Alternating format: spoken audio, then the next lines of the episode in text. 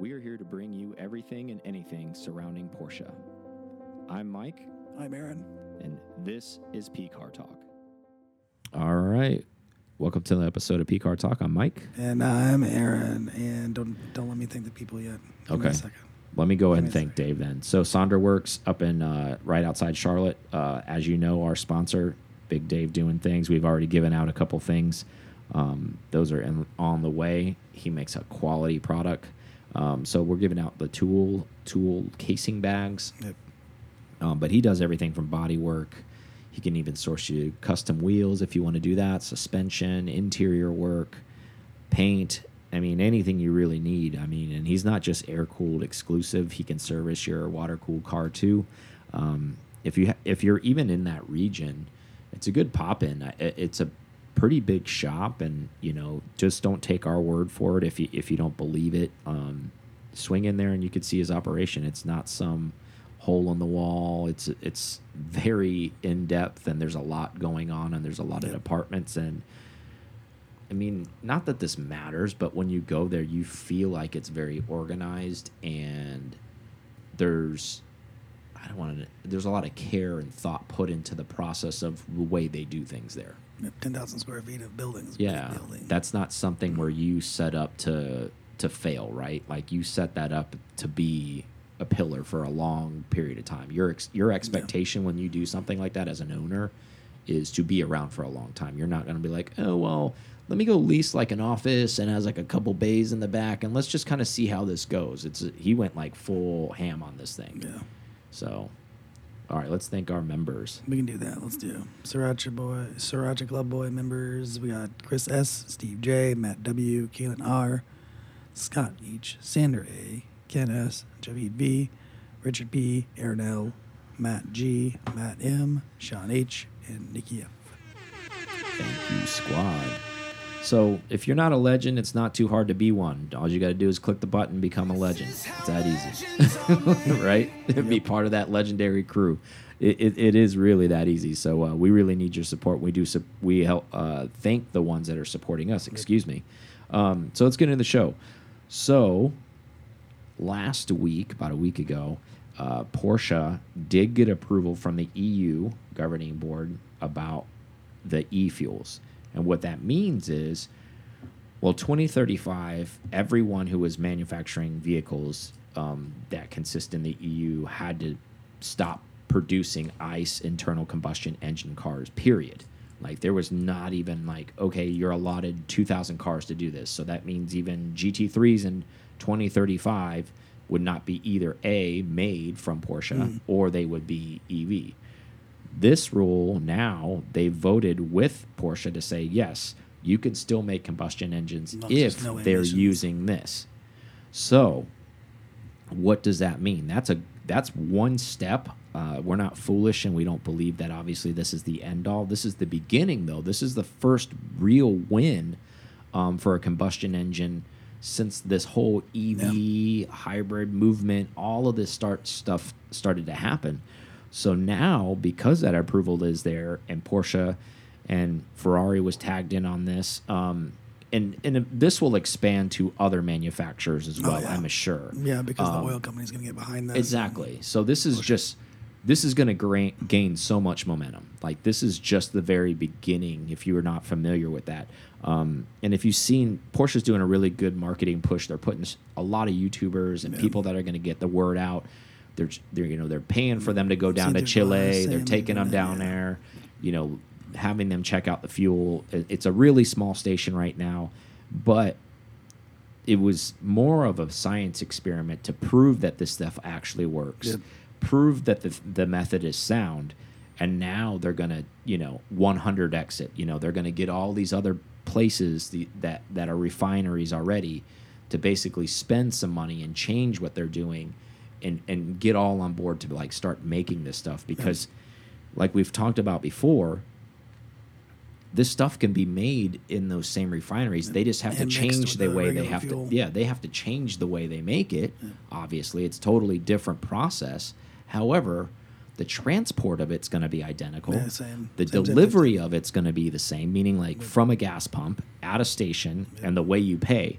Like this is the thing it makes the most sense, right? Like moving forward because it's going to be a zero admission So it's basically, if you don't know and you, you're living under a rock, it's taking the ca carbon that's already existing in the environment and using that to help produce this e-fuel. So they're not putting any more additional carbon. So the carbon that already exists in the environment, they're actually just siphoning it down yeah. and making this. So when it's when it's emitted, it, there is no additional carbon that's produced, which is a great thing.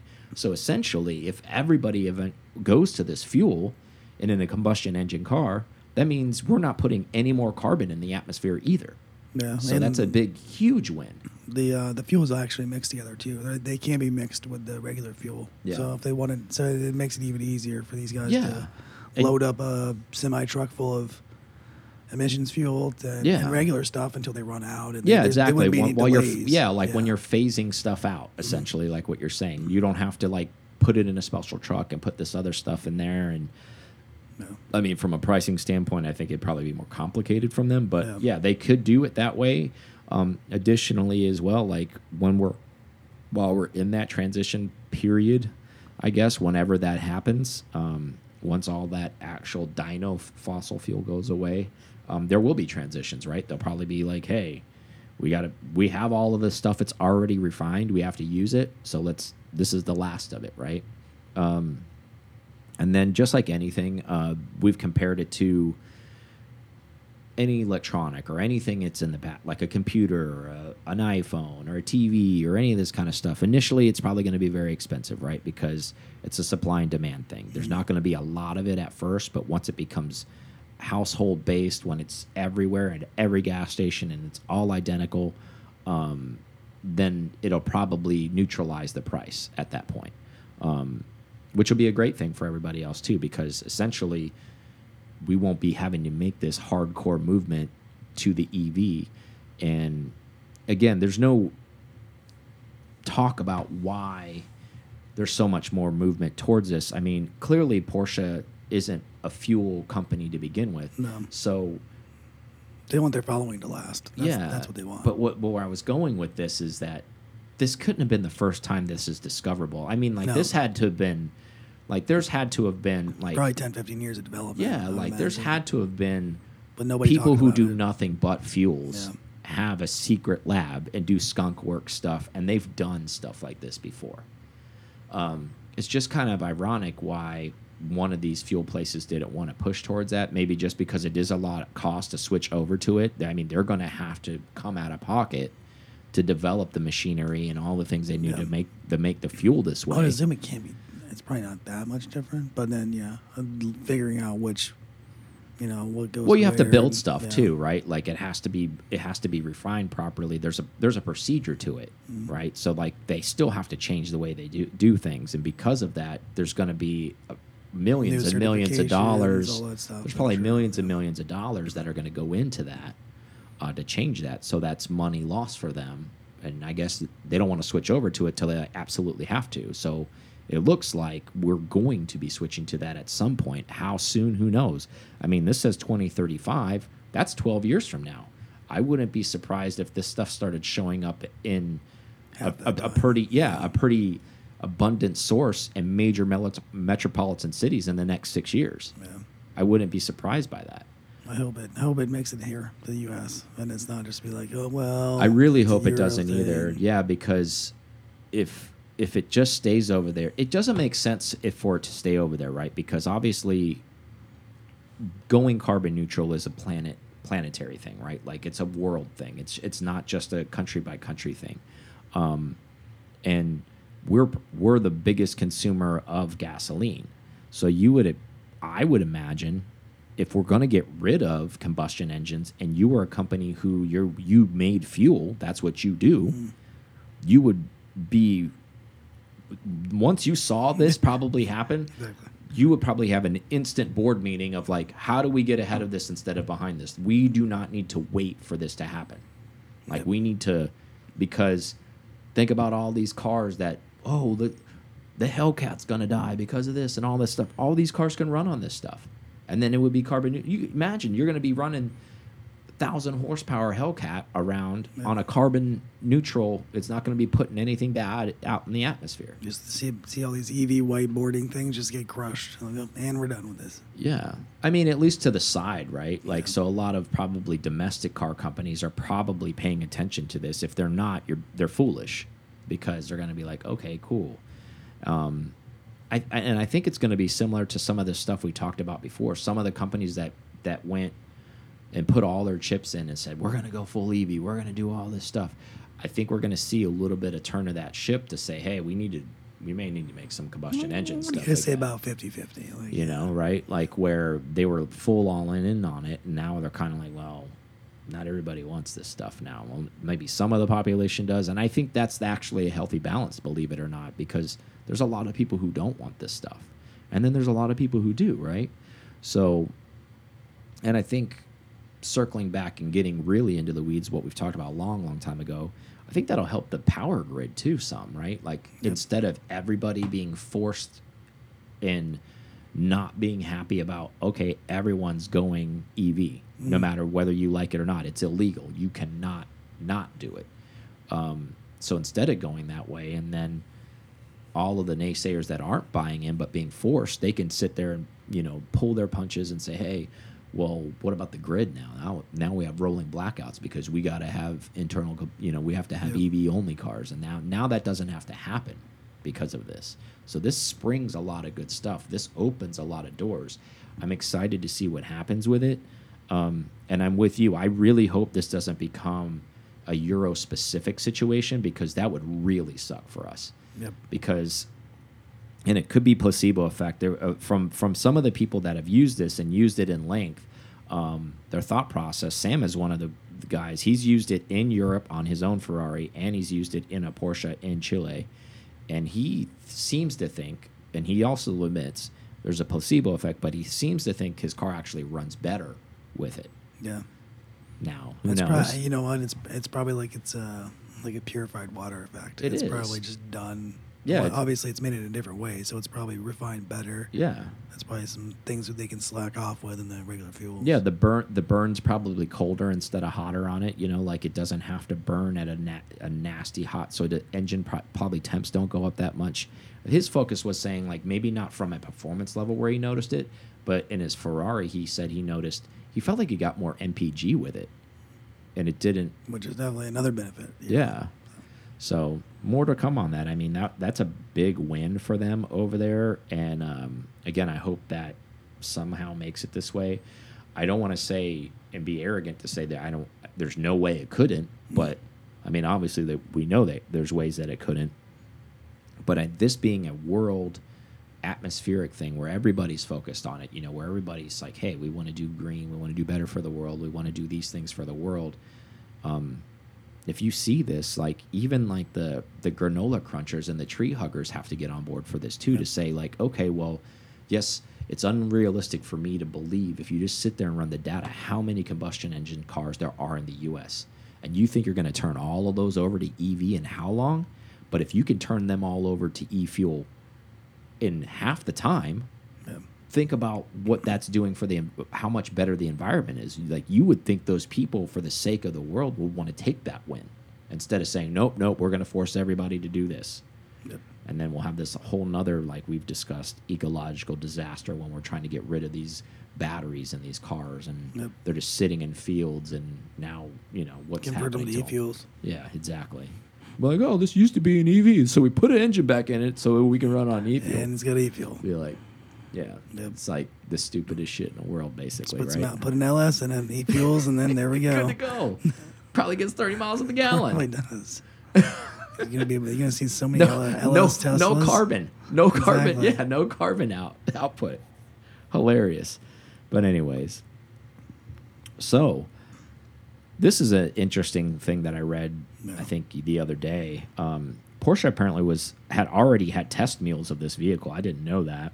Um, No one did. and but they were actually Yeah. testing it. So it wasn't just a concept, right? Like this didn't live on a whiteboard where people were just imagining, you know, like this wasn't a dream dream board car. This was actually functioning Mm. um, and hiding in plain sight, which uh, some of the best car manufacturers do, and we never know about projects. So what I'm about to say is Porsche was working on its next supercar.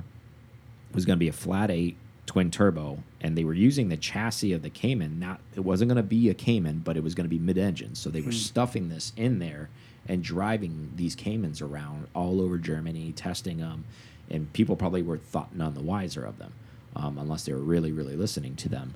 But so they, and it was going to be a manual only. So it was going to be 750 horsepower, manual only, mid-engine. So this was the the goal for this, from what I read, was supposed to be the successor to the 918. Um, but they were going to go old school.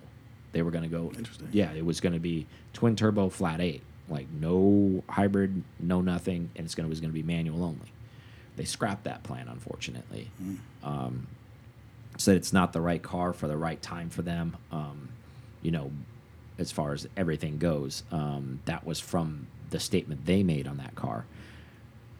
Do you think Back to e-fuels. yeah, I was gonna say since now this stuff is is this gonna change a lot of including Porsche with their Halo cars? You think the way maybe they move forward instead of saying, okay, well let's make a Halo car that's EV only, Well, you know, kind of like Lambo and all these other because places. They already made the hybrid, so they went, you know, Carrera GT, hmm crazy race car style to 918, which now has the hybrid, and then their ne logical next step is full EV. Yeah, Um, but I don't think it'll change. I think it's probably too far. I think it's probably too far in development for it, for it not for them not to do an EV, especially with all the other EVs coming around And So they'll probably do. And guess what? We have a full EV uh, hypercar, Mhm. and then now we're going to release our other cars and kind of. I think they're still going to go EV, whether we like it or not, but it may not be. Everything's EV, what Yeah. the, if, if the e fuels do work. Um, but it's still cool that they're trying out different experiments with different Yeah. motors and bringing things back and into an old school feel. I think I think what'll happen, in my personal opinion, is as bad as this sounds. They'll develop cars, and not that they don't want to develop them, but like there's a lot of maybe enthusiasts who don't want these cars. Meaning, speaking like a supercar that's a EV or whatever, they may make that, and people will get upset, and then they'll say, "Hey, we're gonna give the crowd what they want. We're gonna give you full analog. We're gonna give you a manual supercar, mid-engine, everything that you ever wanted." it's almost kind of like disappoint them with these and then bring this out as a a retro homage, right? 915 Like, gearbox, I could see boys. them doing that. Like I can't. We're going old school. Ni- screw that. Nine nine fifteen. They'll go nine oh one. Like really crunchy old school in the short wheelbase one. Um, but I see them doing stuff like that. Uh, They sh they strike me as a brand, especially with this e fuel win. Um, they could develop something side by side and not necessarily release the combustion engine one, but for their test studies to say, okay, the next one we let go is going to be full combustion engine again. We're going backwards. Um, Or track only. They could do like they did the 935. Yeah. They, like the club sports. And just because a- there's still going to always be those, I would say maybe forward thinking individuals that are want the new shiny mm-hmm. and they want the new tech. And they're not they're not not any less than an enthusiast but they're a different kind of enthusiast. They're an enthusiast to say well, i'm going to have that car for two or three years and i'm going to get rid of it and i'm going to get the next new shiny thing and i'm mm-hmm. going to move on to the next new shiny thing. There's people like that and that's that's fine. And when they make these cars anyways they're making them in small numbers. So they find all of those people who want those new and shiny. But i think there's more of the people who are going to want that analog feel. And i wouldn't be surprised if this e-fuel thing actually gets more momentum.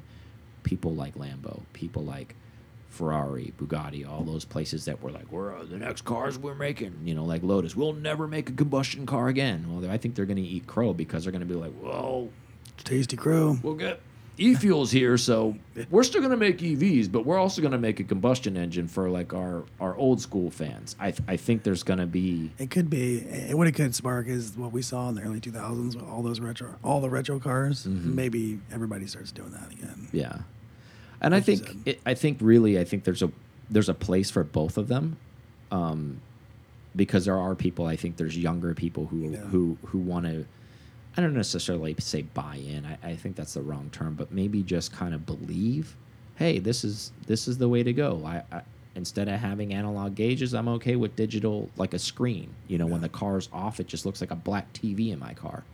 And then there's other people like me and you cringe when we think of that stuff. We're like, what's this going to look like in 10 years, man? When it delaminates and like the crystals stop talking to each other, this is going to look horrible. Every time I think of something like that, I think of like the old Chevy Blazers with like little. like yeah, little- exactly right. like the old upside Corvette, down, yeah. like the Corvette where it had like the Michael Knight meter, Exactly, like yeah. RPM like thing in it. Terribly designed Nike check upside down. yeah. Exactly. It's like, dude, cool for the time, ages horribly, right? Now it's so now it's cool again though because it's so funny, right? It's almost it's comical. But for a long period of time, it wasn't very cool because think about that car in 2000. People were like, gross, Yeah. right? Nobody was playing Atari in 2000 because you know the N64 was out and all this other cool stuff. Mm-hmm. They wanted to play those things. It wasn't retro enough. Now people think Atari's cool, right? Like, oh, 8-bit's cool now. Bring it back. But if it was too soon, so these things initially, they're going to have a bad drop off, you know, and that drop off's usually like a decade to the 15, 20 year mark. And then people are kind of like, remember when they used to put screens in all these cars? Remember when it was just like a black thing? Yeah, that, that's what this is. Like, look how weird that is, dude. It's going to be one of those things. So, changing topics. We talked about pricing going up. Already 2024 prices came in, pricing has hit. Um, So it's out there and they they were true to form. So the 4Os have gone up MSRP over uh, $5,100 over MSRP. The GT4 RS has gone up $13,100 over MSRP. So what does that translate to you? Probably 4x that on your ADM. I think about it that way, but yeah, probably.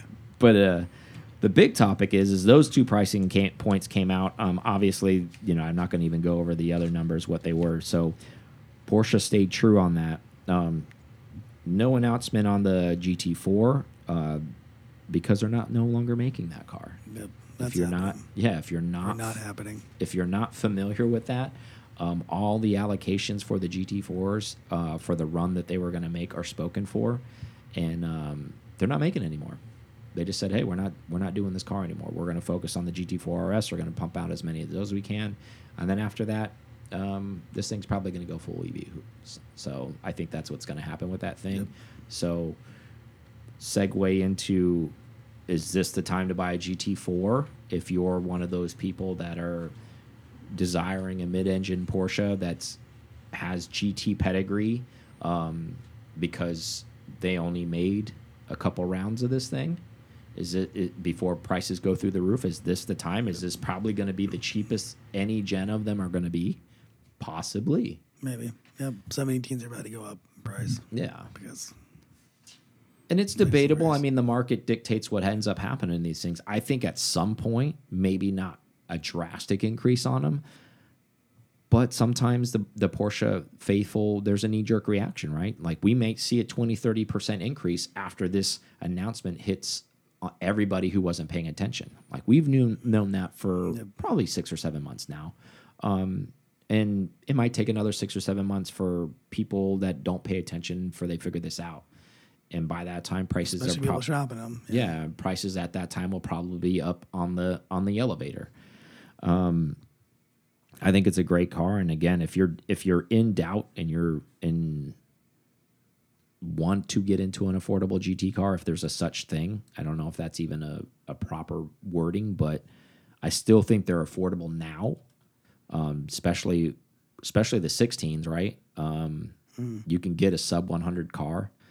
Um, yeah, it's not going to be like crazy spec, but I mean, if you're okay with that and you know you you're cool with putting whatever you want into it at some point, or maybe it's paying up a little bit to get buckets, I still think there's a lot of value in that car, and I still think um, that car has yet to start its increase, and I think we're going to be having this conversation sooner than later. We're going to be like, oh, remember when you could get a GT4 for 95, and they're just going to live at 125 and up. I, I really think that's going to happen.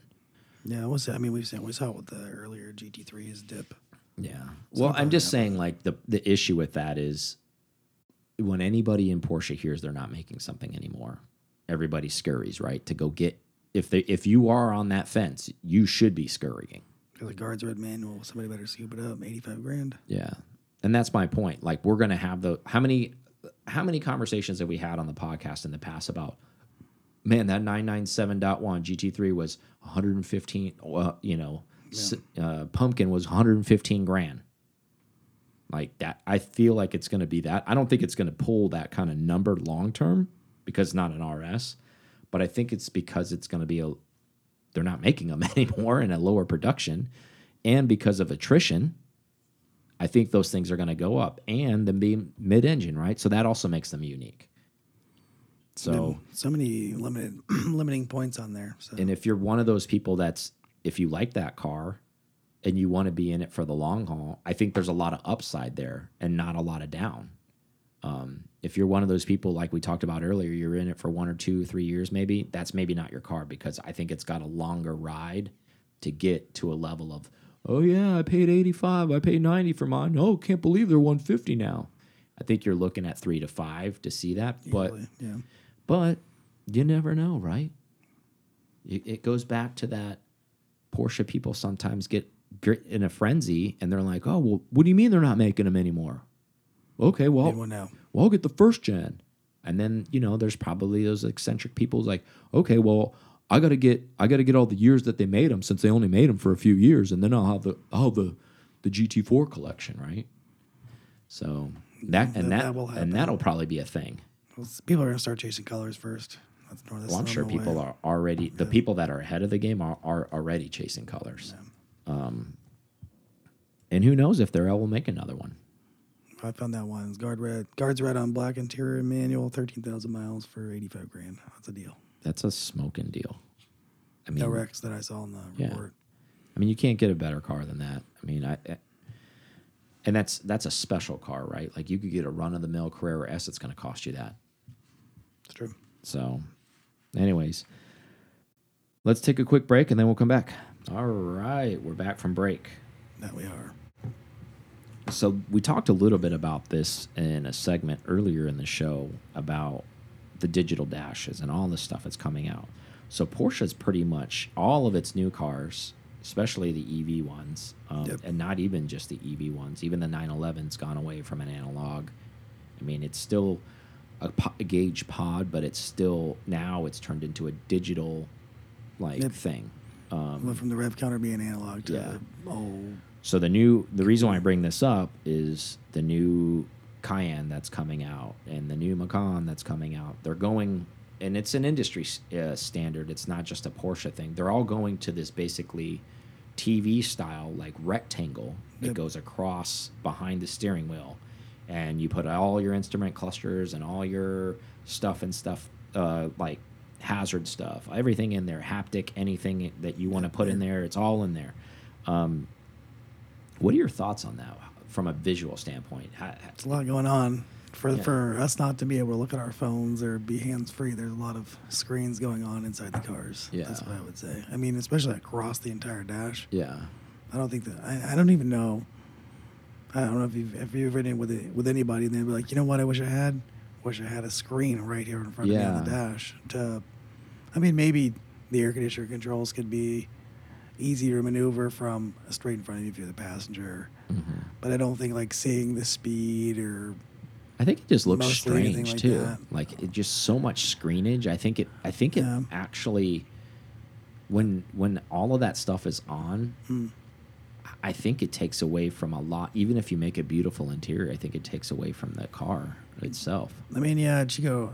It should be able to turn into different um, interior types. Like that thing should be like, oh, look, it looks like real carbon fiber. Or it looks like a piano black Yeah. thing. But probably make more sense for um, instead of mirroring whatever's going on the regular dash or mirroring what's on the display of the uh, the radio to do more of something for the passengers. Like, okay, it's going to show movies. It's going to be able to do all this stuff that nobody else can see. Like, make it more beneficial for them versus kind of like I don't think they know what to do with it. Yeah, I think I- they're doing it just because everybody else is doing it. But that's I don't what think I think what's happening. It's a monkey see, monkey do, and it's not a. And I don't think it's a, a lovely trend, to be honest with you. And people that are much smarter than us have been automotive journalists for a very long time. Their collective opinion on it as an industry whole, they hate. I agree. Yeah. Like I hate it too. Like it looks. I don't want to. I don't want to say the word futuristic because it's not that. It actually just looks like you're driving. It looks like you're driving something from like Disneyland or something like that inside, where it's just kind of all of this touch screen crap, and you don't need any of that stuff, man. Like I, I just don't get it. Like it's. I think it takes away from interior design on a car because as much people don't think about it there is a lot of thought process then that goes into that. There's a design team who makes that mm. and then there's engineers who make that. And now i think this they're like hey well we got to figure out like work around this screen. We got to do this and we got to do that. I just i feel like it feels too busy. Like maybe when it's off it looks fine because it's all black and like they're mm. like okay well it's not that busy when it's off. But when it's on i mean it looks really strange. The only thing I could think about is if they're really planning for 10, 15 years out and they want to get everybody familiar with having a ton of screens and not driving. Like, because we've seen the, the Yeah. different things where the steering wheel goes away and then the Mhm. display goes in front of you. I mean, maybe that's what they're trying to do is acclimate us yeah to that- seeing screens. That's a good point. I never even thought about it from that perspective to try to like maybe this is the baby step to hey, full autonomous, right? Yeah. Like and this is what full autonomous will look like. I never thought about it that way. Maybe that. That's the only thing I can think of. Um, and then really just not knowing what to do with it still. Because it doesn't seem like if it's not beneficial to either you or the passenger, then why are you making one? Why do you have extra draw on battery or anything else like that? Because I'm, I'm sure it's not a ton, but still, it's something. Mhm. And something else for it to go out. It's so crazy. Like th this, I wrote this before I saw this, and I saw it today. You know, with the Gordon Murray design cars and stuff. You know, he's making brand new cars. Obviously, he's Yeah, a bespoke. T50s. Yeah, he's obviously bespoke. We, if, if you don't know who he is, you know, he's the father of the F1 McLaren, but he's making a new car. Um, super simplistic inside, manual transmissions, digital. I mean, um, analog gauges the reason why I bring that up, not because obviously Porsche is a very large manufacturer, but what what I'm doing is I'm comparing the two of them because he's not reinventing the wheel. He's just giving people what they want. Trust Yeah. me, he's he's an element of if he really believed those like types of screens would make his car better or more aesthetically pleasing, they mm-hmm. would be in those cars. So my point of bringing that up is I think we will see a trend, especially within our lifetime. Obviously, we'll be older men by then, but I, I feel that manufacturers, when they want to do something special, will put analog stuff in cars, and people will be wowed by it because it had been they're so far removed from it and not seeing Yeah. it in everyday cars. But they're not reinventing the wheel; they're going back to something that used to be standard. Oh, I thought you And- meant I thought you meant like from the perspective of um, like modding stuff where we used to go from all the analog gauges to like a Dakota digital dash Yeah. for the Chevys, and then Yeah. it's just the opposite. Like, oh man, let's got digital in there. Watch this. Exactly. And I, I wasn't even want like one of the. I'd rather do a gauge pod, right? Like that's still like connected instead of like digital. Like I'd still did analog stuff. But anyways, that's besides the point. But I'm saying like these people, probably even young people, will come up and be like, "Whoa, that's so like retro, bro," and it's like that just used to be standard. Like, hey, you see my 964? It's got 350,000 miles on it. What does that even them. mean? yeah, it didn't fly. It's fine. it's just so strange because I everything I- I I guess we could say that about everything, right? As far Yeah. as the world and, and trends. 80s and 90s clothing is popular and trends and all that kind of stuff and even vehicles and all at Radwood, all of this stuff. Um, we're very nostalgic. Most people are very nostalgic, not just myself. Um, and you don't have to be ultra creative to to make a good car. I, I think you know the kiss method works well, well, right? Keep it simple, stupid, right? Like I think if, and I think the manufacturers that it lean into that and stay closer to that. I, and I know the the big ones have a lot to fight, but I think the ones that can stay more pure, like and live in those areas, I think the enthusiasts will continue to gravitate towards them. I think when when Porsche and all those other ones, and meaning Audi Group, and you know, all of them are just trending the same way. Mm. I think you just kind of give everybody, you're just giving everybody vanilla at that point, and Well, everybody's kind of just like, ah, dude, like, well, at this point, it's an EV, and yes, the body shell looks different, but really, is it a Porsche or is it an Audi? Or is it even a BMW? Or like Yeah. it's all the same now, right? Like they're all running the same kilowatt batteries. They all have the same screens. Like, how do you individualize anymore? Like, because everything's gone to a standard. You're like, oh well, I've got a PTS EV Macan. Oh, bro, like you're Watch setting out. the game on fire. Watch out.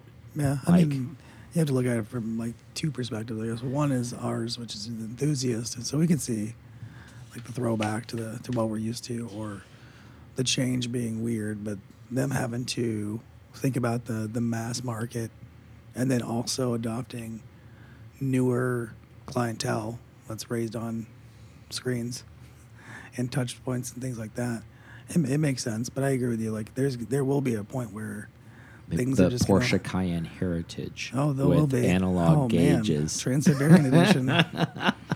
Dude, I could see it coming. They're gonna just Yeah. re like basically produce the same stuff they've already made, but Yeah. it's gonna be the heritage stuff, and people will lose their minds for it because they're gonna drown us with all of these screens and all of this stuff and all this stuff we hate for so long, and they're gonna be like, "We're gonna give you what you want, brother. Yeah. Everything you want. Safari. We're- yeah, we're gonna give you the Well- gauges. We're gonna give you a toggle switch too, man. Yeah. Keep fob, watch out. Yeah. Um, I, I could see that. Um, but um, like you said, if they might get close, but if you wanted, you could argue that point that the Audi e-tron Sport, whatever they're calling their thing, all road, Mhm. and the uh, Taycan uh, Sport Turismo aren't the same car. Yeah. Even though they are same platform and stuff like that, they still there's no journalist to be like, you know what this is like, the Taycan, Yeah. or this is like the e-tron. They're all different, no matter because there's still different engineering behind it, even though the same family. Yeah. I don't know if it'll ever be bland like Toyota Camry land, where it's just like beige box and steering wheel. Well, I mean, if, no if, if we're taking and- away the driving experience at some point, it, it probably will go away because if you're taking away the driving experience from the driver, what does it matter what it is anymore? Now it's just an empty vessel because it's soulless to begin with. Yeah, I mean- guess so. I- I'm just saying, like, I I see Porsche being one of the brands, and maybe they can be a trendsetter, and other ones will probably copy them. Maybe Euro brands and even domestic brands probably.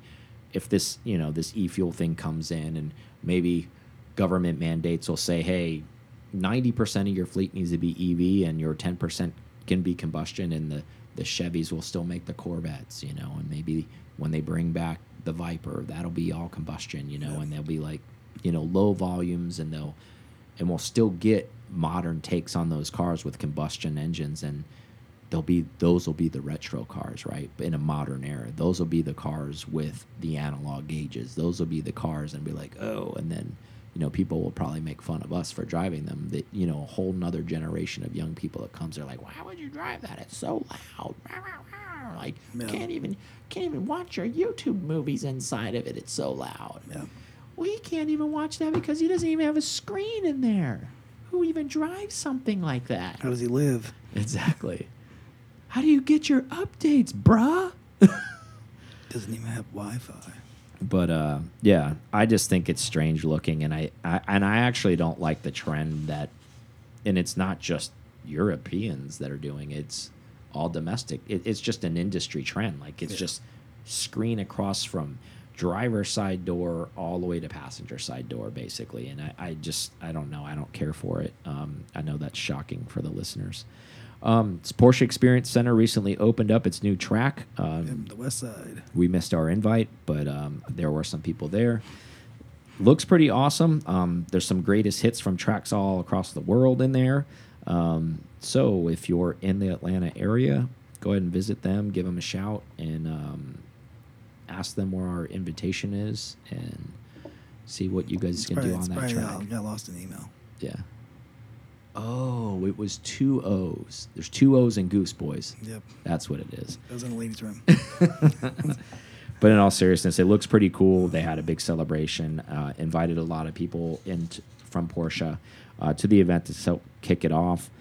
Um, I'm excited for it. I'm I love that Porsche dumped more money into this thing, and and they're putting the experience out there for more people and more people to come visit. I think it just adds the enthusiasm, adds the brand, um, showing you as a manufacturer that they care about their people the that buy cars from them because they are an enthusiastic brand. I mean, think about how how few people not people, excuse me, companies have a place like this um, for you, an experience center where you could literally go and experiencing a little bit of heritage there. Their their stuff that they have there from the classic design area is always changing. They're rotating stuff in and out, so you can get a little bit of a history lesson. You can get some nice things to eat while you're there. You can go out on track, test out some cars, actually feel what the car's supposed to do when it's not just going to cars and coffee when you go buy that car. Um, see what the car is capable of from a professional. I think it's second to none, and I, and I'm happy they've actually dumped more money into Well, I it and actually improved it even more. Not that Yeah. it that needed it. Well, they they needed to be like uh, PCLA. I think that's the problem. Like the difference between them and and uh, having it. Well, they're also headquarters too. Well, I was about to say they're supposed to be bigger, anyways, right? Like because people are flying in from Germany and they're doing their team meetings there. That's where most of all and of that delivery, you happens. know, or not your delivery, but they're doing delivery there. I mean, and then LA did it right in a sense because they had bigger track than they did Mhm. showroom. Yeah. But they also have motorsports there. so. Yeah. So I mean, it's a good move. I'm glad they did it. Um, I'm excited to see it. Um, when I will, I don't know, um, but that is a fun thing that they've just recently opened. Possibly, I don't know if I'm going to be able to make that after our drive because I might be leaving my car at Dave's at Nice. Sunderworks. I haven't talked to him about that because I want to do the seats and Telling him right now. Thanks, Dave. yeah, if he hears it, he knows what time it is. I'll see him at uh, Ruckus, and we'll, I, I that's a conversation I'm just going to have with him in person. Um, so, final topic, Ruf. As you know, we're a super fan of. Um, they're going to open a U.S. dealer. Yep. Which heard is about it cool. and heard about it and heard about it. Now it's happening. Yeah, and that dealer location is going to be in Miami. Um, so, what the spot is they're announcing is going to be used for at this moment is basically delivery um, Okay, of cars that that's have been cool. bought. Yeah, in Europe, so you don't have to be over there to take delivery. You could take delivery in the U.S. That's here. Um, sales of future cars, obviously, and then used sales if there's anything in their inventory, maybe they can search or find for you, and you can be a client, and then service to current Ruf vehicles. Um, this place will be located at the Concours Club in Miami, which is a private club. I, no reports saying that if you're a looky loo, you can pop in and buy merch. There's nothing to say right that like right now. Um, this is a very very early onset newsletter of this is happening and this is what's happening and where it's happening. More of it informational. I'm sure there will be more. It comes down as a development this of this takes place, and the interest from the public as well. Like if this becomes a very big thing, I'm sure Ruf will lean into it as far as Do some launches there yeah, like that. Yeah. people wanting to come visit, come buy merch. Um, they're not that closed off. They're very open to the public, even in Germany. So it's not one of those situations. Um, I think this is still just a, you know, it's a very protected brand. Um, so they want to make sure they do things right. They don't want to drink from the fire hose and say, hey, you know, if you got a 930 turbo and you live in the U.S. and we just open our doors, bring it in, and we'll do a Ruf conversion and we'll do all this stuff. Um, I think it's, you know, it's undersell and over deliver, right? So I think it's going to be one of those things where eventually, I think those things will come down um, when the public speaks for it, and it may only actually they may actually never openly say they're going to do those things, and it may do it on a case by case basis. Meaning, like if you're a client and you have interest in that, and you approach them, and they will say, "Yeah, we have the manpower, we have the resources." We would like to do that project with you, and it may stay that boutique. It might Yeah, not come I can in see where that being better, a better move for them. Keep Yeah. it, keep it cool. Well, you know, they seem very on board with modifying cars. They always have been. Um, and I, I think it would be a great thing too if maybe you didn't go full Ruf. Maybe if you just wanted some Ruf parts, meaning say had a like my 996, you have some you have a 996 turbo, and you're like, hey, I want to do a Ruf bumper swap, wing, wheels, maybe a tune. Can you guys do that for me? I see them doing that as well Yeah. um, and you'll have the actual Ruf stamp receipts that it was there it actually got service there and i'm sure there's people they will probably service special cars too that aren't even Ruf cars because they do that in germany as well they actually service cars um, so if you're Definitely a moneymaker, I'm sure. yeah. So if you're in one of those situations, maybe you've got a prime example will be this: say you had a a Kremer uh, 935 turbo or something like that, and you lived in Miami, and you want to make sure that your folder has a lot of clout, meaning your service folder. You have Ruf service that car, so maybe if you do push that car to auction someday, you're like, hey, for the last 10 years, Ruf in Miami's been servicing the car, so I don't know who else better to service it than other than them. Um, so there's that. I'm really excited that they're coming this way. I think, I don't know, I've always been a fan, and, and they have been around for a long time, and I think the real Porsche niche people understand what Ruf really brings to the table. Um, Well, they're they're not just a. I know that a lot of people don't think this, but a lot uh, that don't know about them, they're like, oh, that's just like a modified Porsche. It's it's Yep. way more than that. Um, there's a lot that goes into the car. Um, if you don't if you don't believe me, go ahead and watch the endless YouTube footage about Ruf, their factory, their personnel, the seriousness that they take about the vehicles that they produce, and the level that they produce their cars at.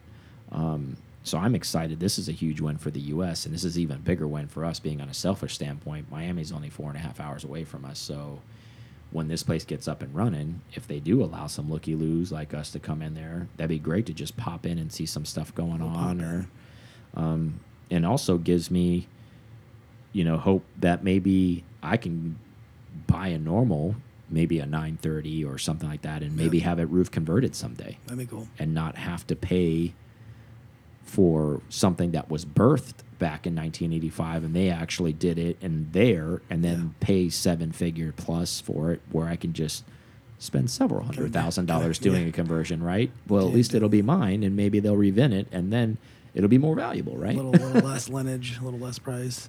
I mean, I agree with you too on the service fact because if there's not going to be a um, Porsche certified um, classic center near you, then that's probably going to be the next best thing. Yeah, and then when I was reading this, said it, it as small as Ruf is as a company, its largest customer base is in the U.S., meaning they sold the majority of its current Ruf hmm. cars to U.S. people.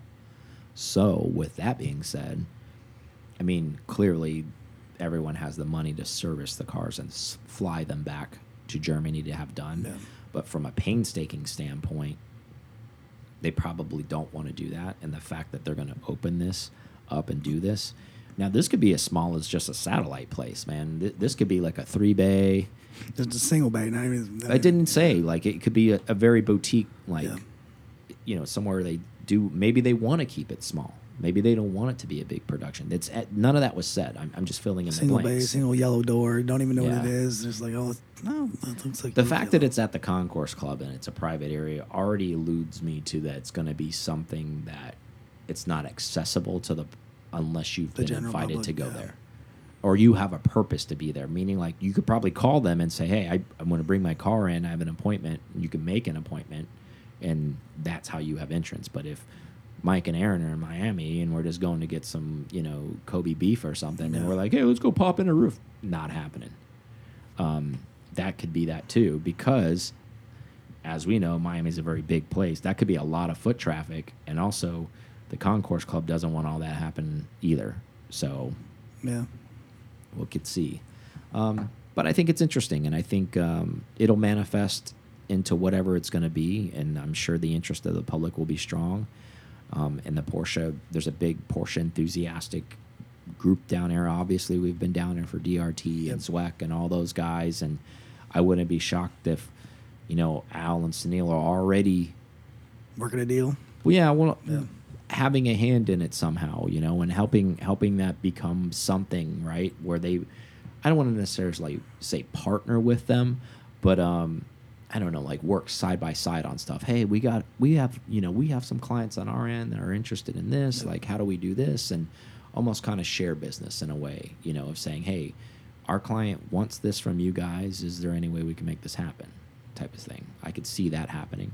Um, and there's a lot of places like that down there, right? There's like Park House. There's a bunch of places like Well, that. if you join our club for a low, low fee, Yeah, exactly. You're like, funny you should ask that. You're like, we've been looking for people just like you, and here's the rollout. You know, Yep. um, so those are all the exciting things going on. I don't have anything else for them. Do you have anything else for them? I don't. Awesome. Well, we'll talk to you guys on the next one. Ya. Thank you so much for listening to this episode of P Car Talk. Connect with us on Instagram at PCAR Talk or online at PCARTalk.com.